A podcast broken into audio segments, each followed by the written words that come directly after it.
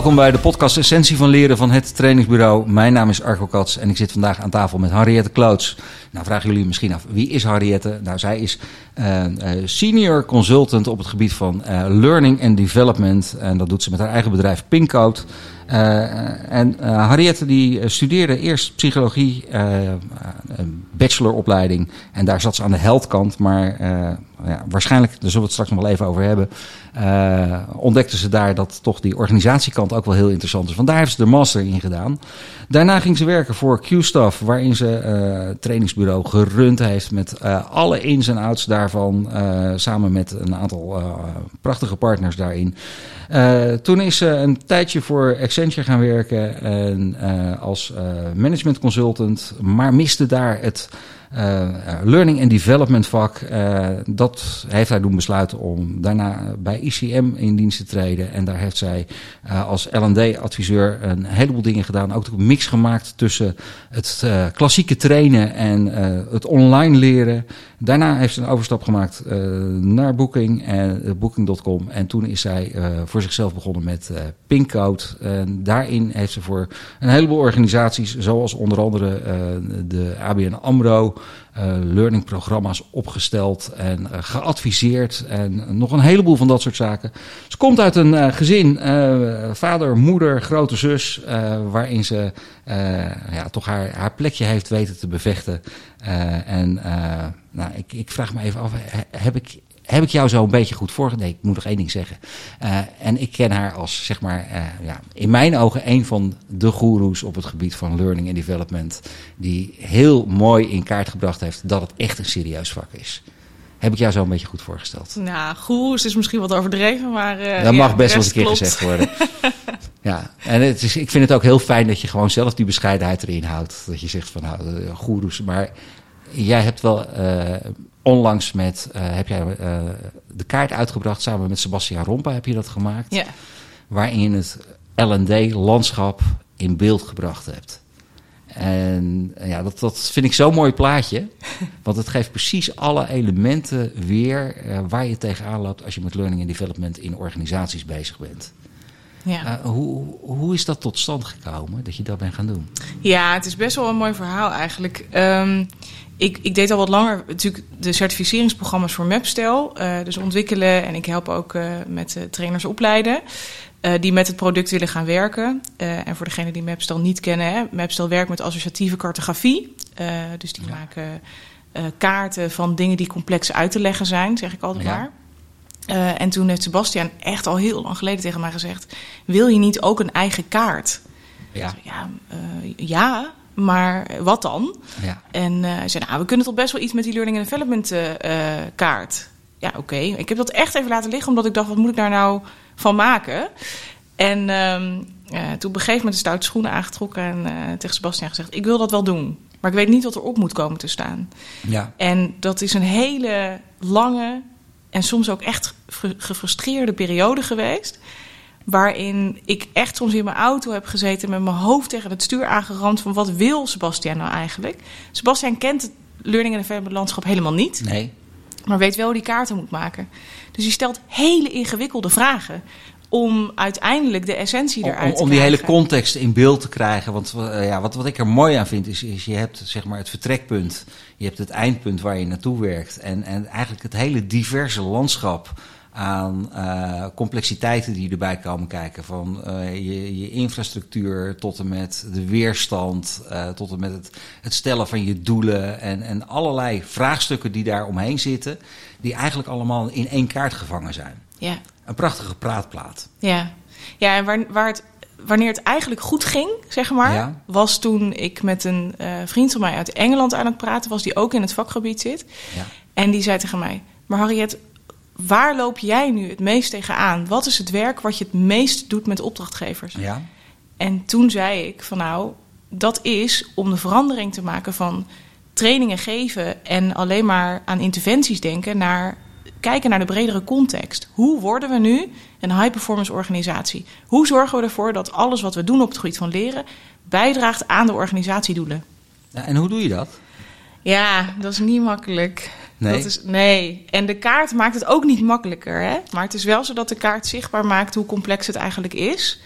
En, en, en geeft je ook handvatten om daar wat mee te doen. Het, ge het, geeft wel handvatten ook inderdaad om op een gegeven moment als je zegt van hé, hey, ik loop hier tegen een bepaald stuk weerstand aan, Ja. dat je vrij snel in beeld hebt hoe die complexiteit in elkaar zit, zodat je daar eh, het erover kan hebben. Ja, En welke keuzes je dan moet maken, dat is volgens mij veel meer ook eh, tussen de ontwerper van, het, eh, van de interventie en, en, en de organisatie om te kijken van ja, hoe, hoe sluiten die twee werelden op elkaar aan? ja.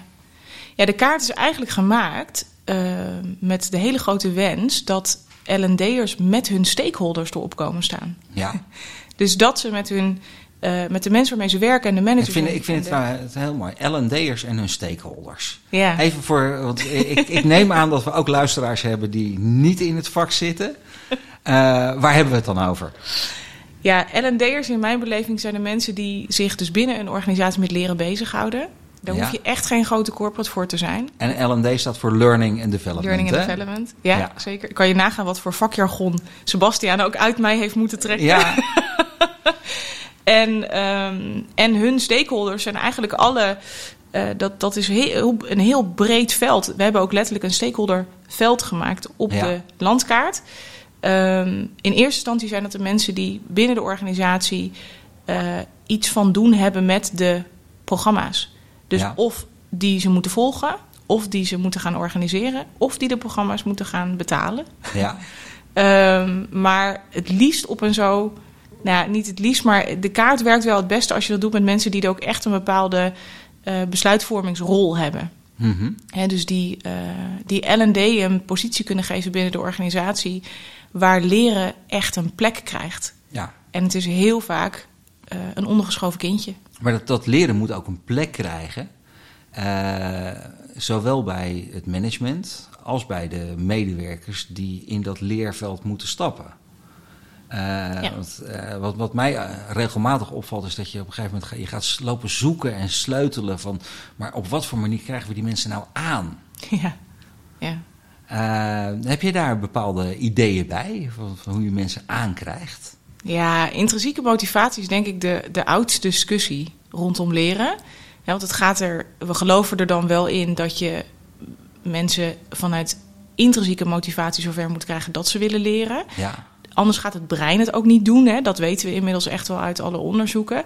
Dus als je kijkt naar gamification, dus dat je het leuk maakt en mensen beloning van buitenaf eh, geeft, dat maakt het leuker om te leren. Dus mensen Ja. gaan dan sneller aan eigenlijk.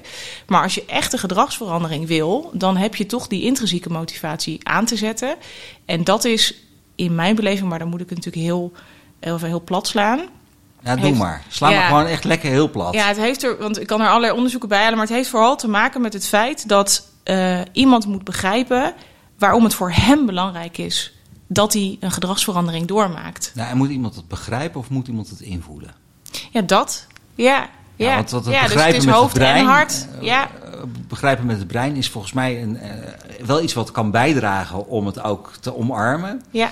Maar pas op het moment dat je dat doet, dan kom je echt in die beweging. En, maar kleine succesfactoren kunnen daar ook wel in helpen, toch? Of niet? ja, en het eh, vergemakkelijken. Ja, want Dus- ik, ik merk op school bijvoorbeeld, mijn, mijn, mijn, dochter zit op dit moment in 5, H, eh, 5 VWO.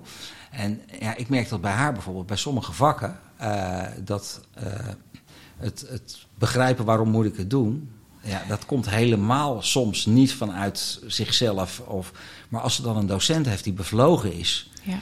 eh, dan gaat ze het niet doen omdat zij het wil, maar dan gaat ze het doen omdat ze door die docent meegenomen wordt in die bev- bevlogenheid.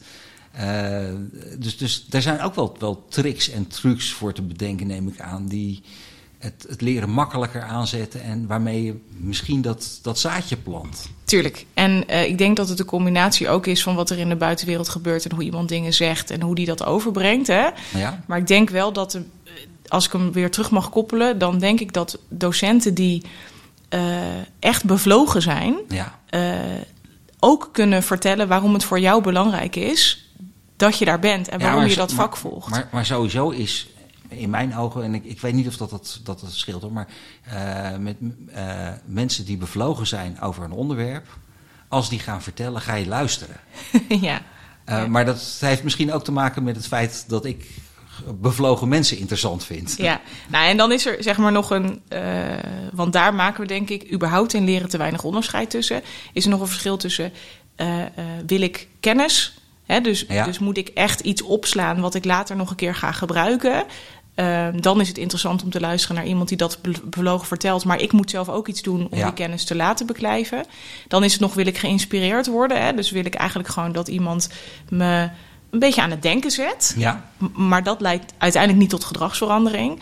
Wat uiteindelijk tot gedragsverandering leidt, is dat je het moet gaan doen en moet ervaren. En dat je er doorheen moet en ehm, eh, allerlei dingen uit moet proberen. Mhm. En dan is het iets wat echt eigen van je gaat worden. En ik denk dat we nog te vaak kennis stampen als hetzelfde zien, als het opdoen van vaardigheden en ervaring. En Ja. het zijn gewoon verschillende dingen. ja want kennisstampen was, was bij mij op school altijd een, iets wat ik echt een drama vond. Ja. Maar als ik iets in de context kon plaatsen, dan vond ik het echt wel leuk. Maar dat, dat scheelt ook volgens mij van persoon tot persoon. Ja, nou, nou het, het, het brein werkt in principe hetzelfde. Ja? Dus in principe is het zo als jij kennis opdoet, dat het handig is dat je dat in een verschillende context nog steeds kan toepassen. Mhm. Dus je kan die kennis wel opdoen, maar dan doe je er vervolgens niet zo heel veel mee en dan uiteindelijk zakt het weer weg. Dus wat jij bij jezelf omschrijft, heeft eigenlijk ieder mens nodig. Ieder mens heeft het nodig dat hij de kennis uiteindelijk kan gaan toepassen. Alleen het gebeurt heel vaak niet en we laten het daarbij. En dat is helemaal oké, want blijkbaar hebben we het dan ook niet nodig. Hè, als het ons hoofd alles zou vasthouden wat we aan kennis opdoen, dan Mhm. ja, dan ontploffen we. En, besteed je dan ook veel tijd aan het, het, eh, het, het idee eh, vaardig zijn in leren? Ja, leren leren denk je dan, Ja? denk ik aan. Hè? Ja. Ehm, ja, in mijn geval altijd in de context van het brein. Dus ik, eh, we weten tegenwoordig steeds meer wat het brein doet. eh, maar we weten nog lang niet alles. Ehm, en ik probeer wel zoveel mogelijk op de hoogte te blijven van wat we daarover te weten komen. Zodat ik dat in programma's of in een strategie voor een academy kan eh, inbedden. Dus als ik ergens binnen een organisatie binnenkom en daar worden alleen maar kennissessies gegeven, bijvoorbeeld. Of we zitten Ja. met z'n allen alleen maar intervisie te doen. Ja, dan gaan er bij mij wel wat lampjes branden. Ja. Mhm. En heb je de diversiteit van dingen daar dan in nodig? Ja, ja. En nou, het gaat er eigenlijk nog veel meer om eh, wat je ermee wil bereiken.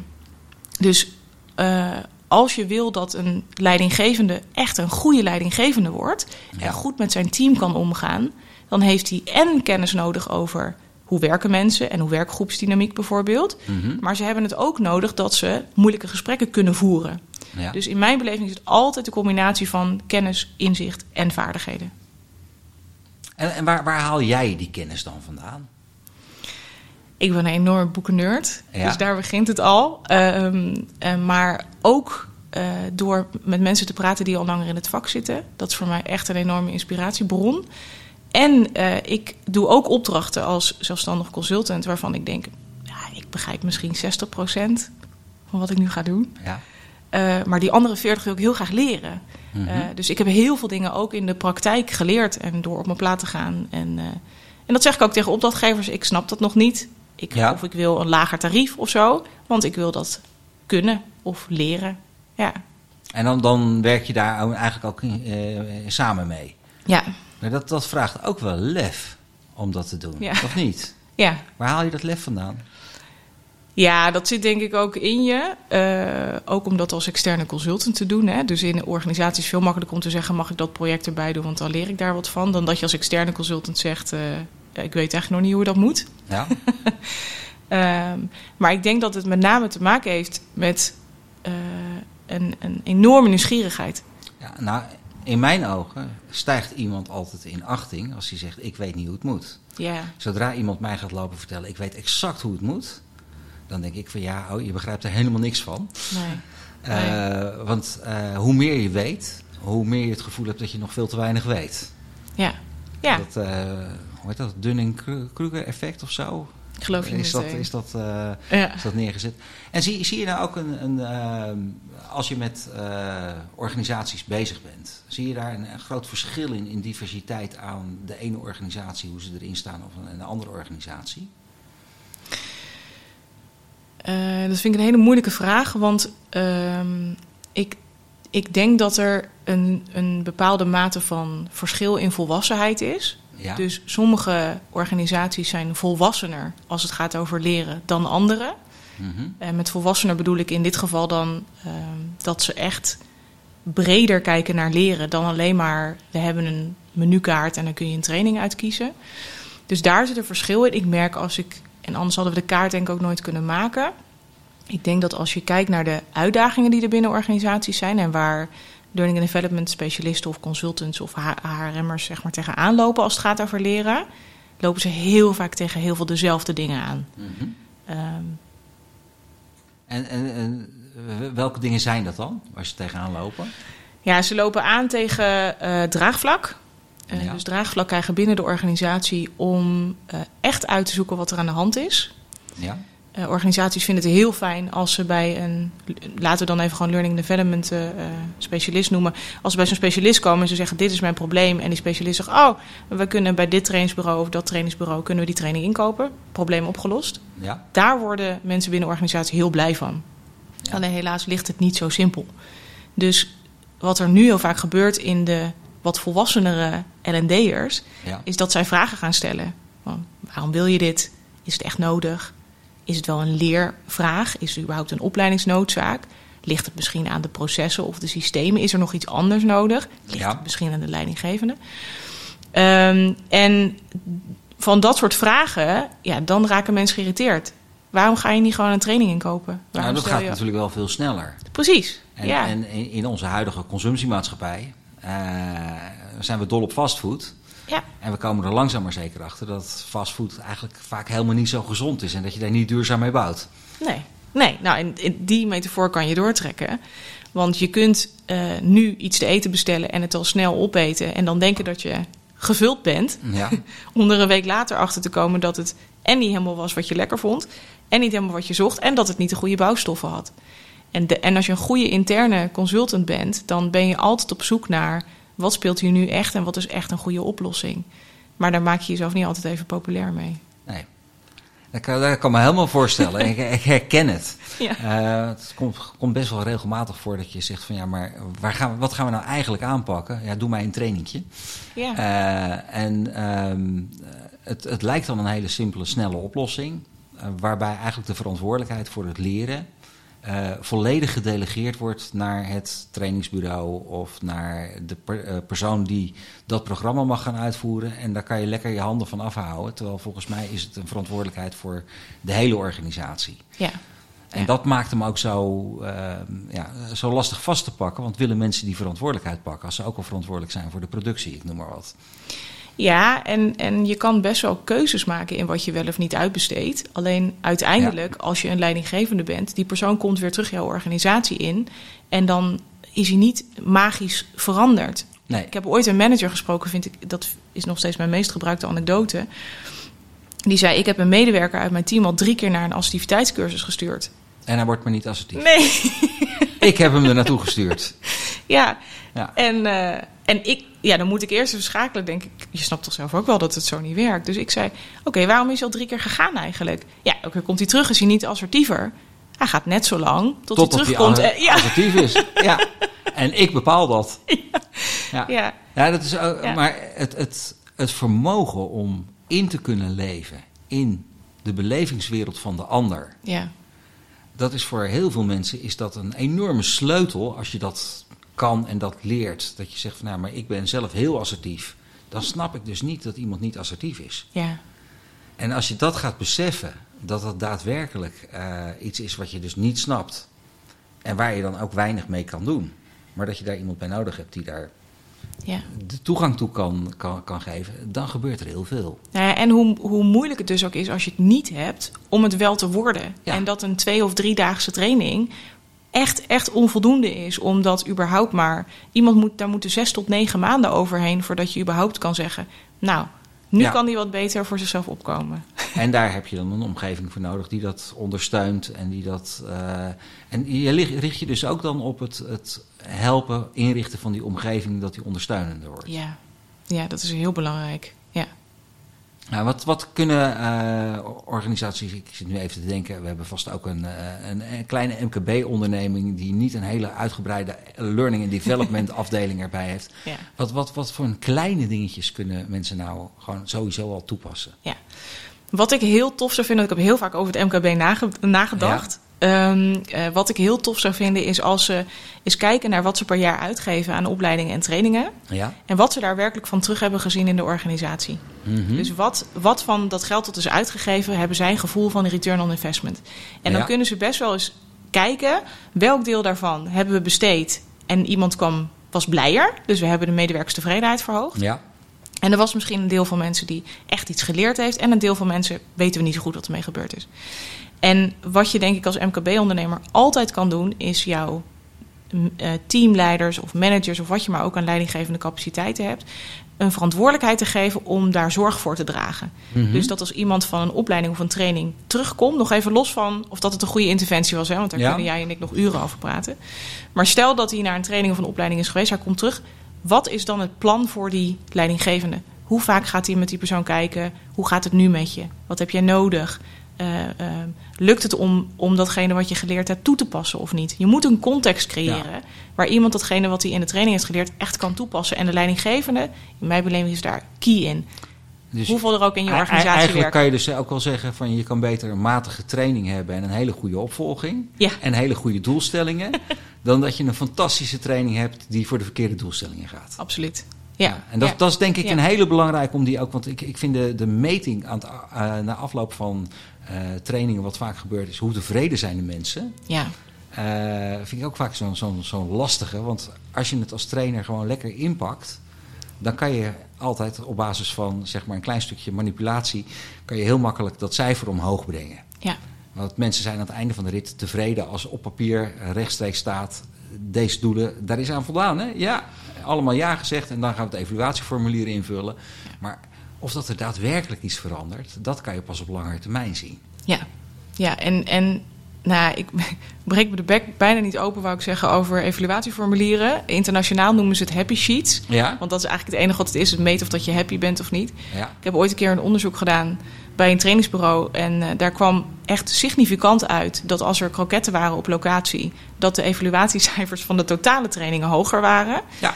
Uh, dus dat is echt niet een mythe, dat is gewoon echt waar. En daglicht in de ruimte is ook eentje die uh, scheelt een punt. Ja, ja, nou ja, en dan nog een enthousiaste trainer die zegt: ja. hey, vul je het evaluatieformulier? Dus daar kunnen we, en we kennen natuurlijk ook het model van Kirkpatrick met die niveaus van evaluatie. Maar we weten ook allemaal hoe moeilijk dat eigenlijk is. Dus je moet het eigenlijk pragmatisch aanpakken en kijken. Als iemand terugkomt van zo'n interventie, wat voor ding die ook heeft gedaan, um, zien we verschil. En als we nu met hem, als we hem gaan helpen, zien we dan na een paar maanden wel verschil.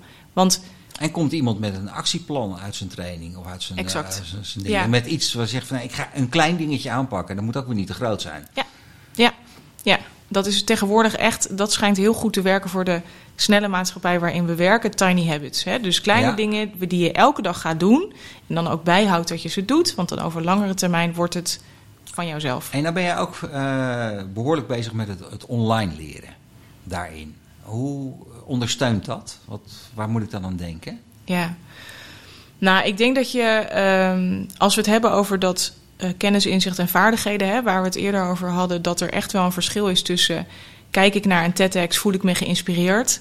Uh, of, kijk, of lees ik een boek uh, uh, of een e-book of wat dan ook. En kijk ik video's en doe ik kennis op. Um, dat is iets anders dan dat je echt een gedragsverandering wil. En mm -hmm. ik geloof voor gedragsveranderingen altijd nog het meest in een blended traject.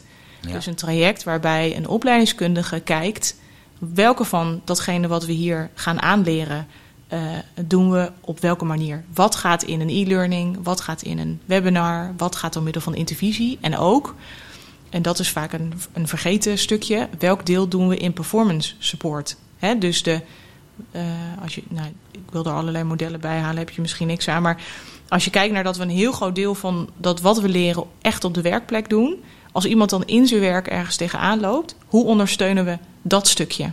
Als ik dit zo hoor, dan denk ik meteen aan mega-investeringen. Ja, ja, dat valt heel erg mee. Ja? Ja, omdat um, je de mensen en de, de organisaties die ik heb gezien met de laagste budgetten zijn het meest creatief. Mhm. En juist omdat de technologie tegenwoordig zo onwijs verbeterd is. Ja. Je kunt met een iPhone fantastische filmpjes opnemen. Ik heb eh, organisaties gezien waar, ehm, waar ze een afspraak hebben gemaakt met elkaar. Dat waren techneuten die maakten cv-ketels. Ja. En als ze ergens tegenaan liepen, eh, hadden ze met elkaar afgesproken. Dan maakten ze daar een filmpje van hoe je het oplost. En uiteindelijk hadden ze dus met elkaar een soort database. Moet je wel goed in een systeem zetten. Hè? Maar hadden ze een database gebouwd met meest voorkomende problemen als je bij een cv-ketel bent. Gewoon Ja. door elkaar te helpen. Heeft niks gekost. Nee. Nee, eh, alleen wel de attitudeverandering van wij gaan nu gewoon die filmpjes maken. Ja. En hoe borg je dat soort dingetjes, dat, dat, ook gewoon, dat mensen dat blijven doen? Ja. Want meestal is dat een leuk idee.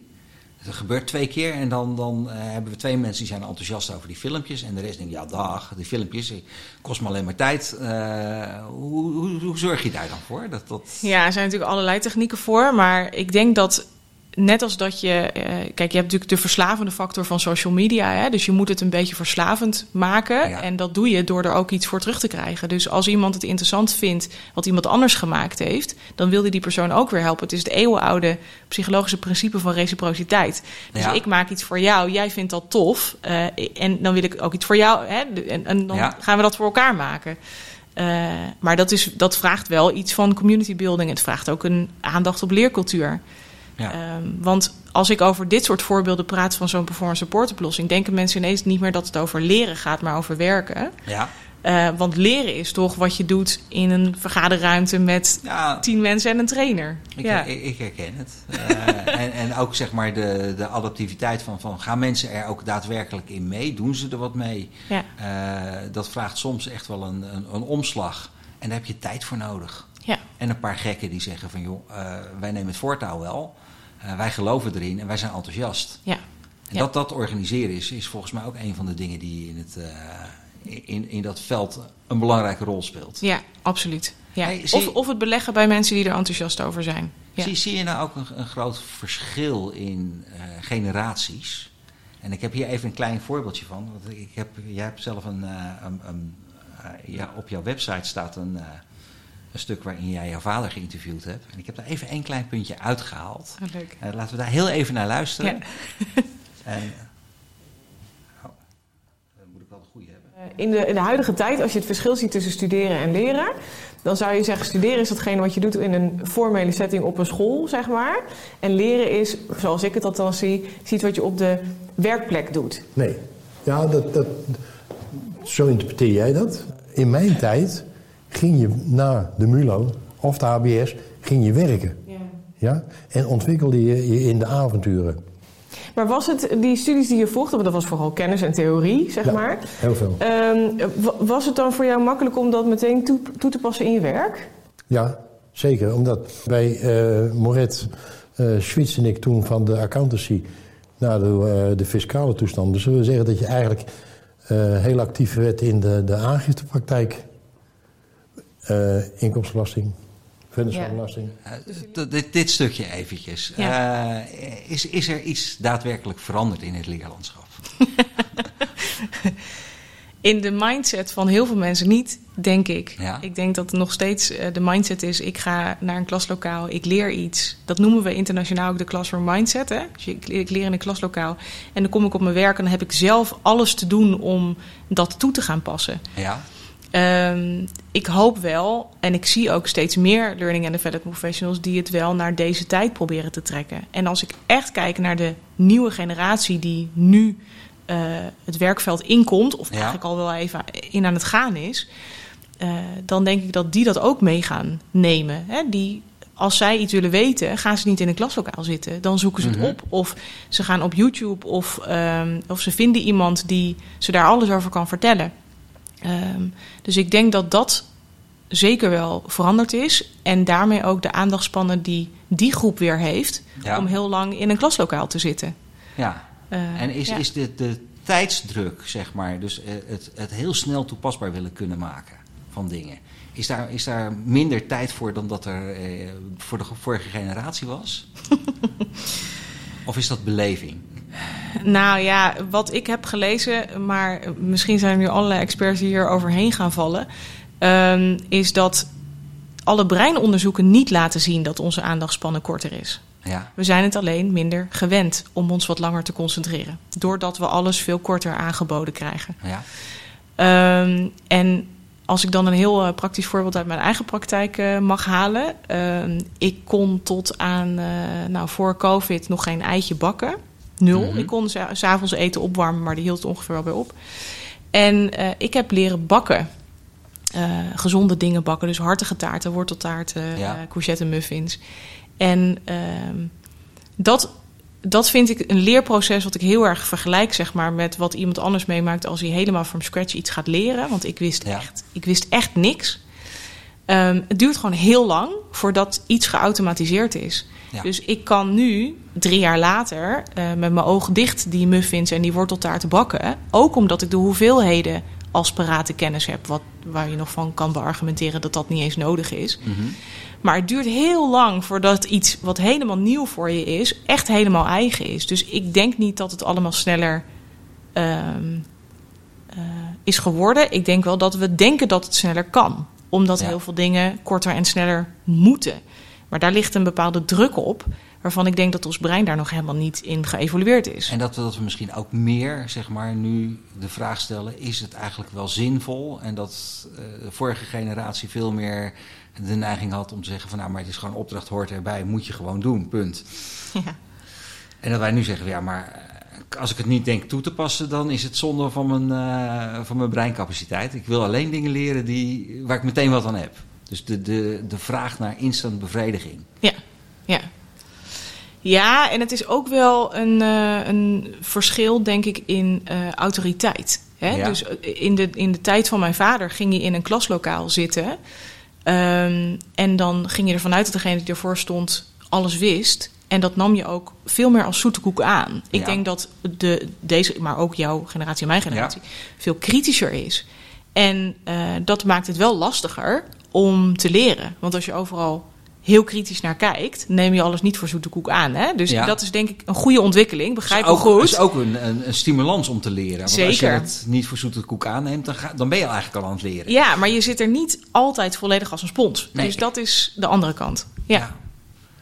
En dat, dat, dat blijft natuurlijk een bepaald spanningsveld wat eh, het, het ontwerpen van leerinterventies, het ontwerpen van, van het leren in je organisatie, Ja. tot een, eh, een heel uitdagend vakgebied maakt. Ja, absoluut. Ja. En dat het dus ook blijkbaar heel erg, dat vond ik interessant aan het gesprek met mijn vader, heel erg afhankelijk is van het paradigma waarin je leeft en de tijdsgeest waarin je zit. Ja, toen der tijd, toen mijn vader bij, eh, bij Moret werkte, was een consultancy of een accountancykantoor. Dat is nu eh, Ernst Young. Ehm, toen was het soft skill trainingen bestonden niet. nee. Het enige wat je deed was inhoudelijke, theoretische trainingen volgen. En ik heb mijn vader ooit meer als een soort van cadeautje een boekje gegeven met de 10 tips van effectief communiceren. Niet om hem iets te leren, maar gewoon zeggen: hey, ik heb Ja, een leuk boekje gehad, leuk. wil jij het hebben? Ik heb er al 30 Ja. in de kast. En ik weet echt dat hij mij eh, na een week opbelde en zei: oh, Harriet, als ik dit gehad had toen ik aan het werk was, dan hadden al mijn gesprekken beter gegaan. Ja.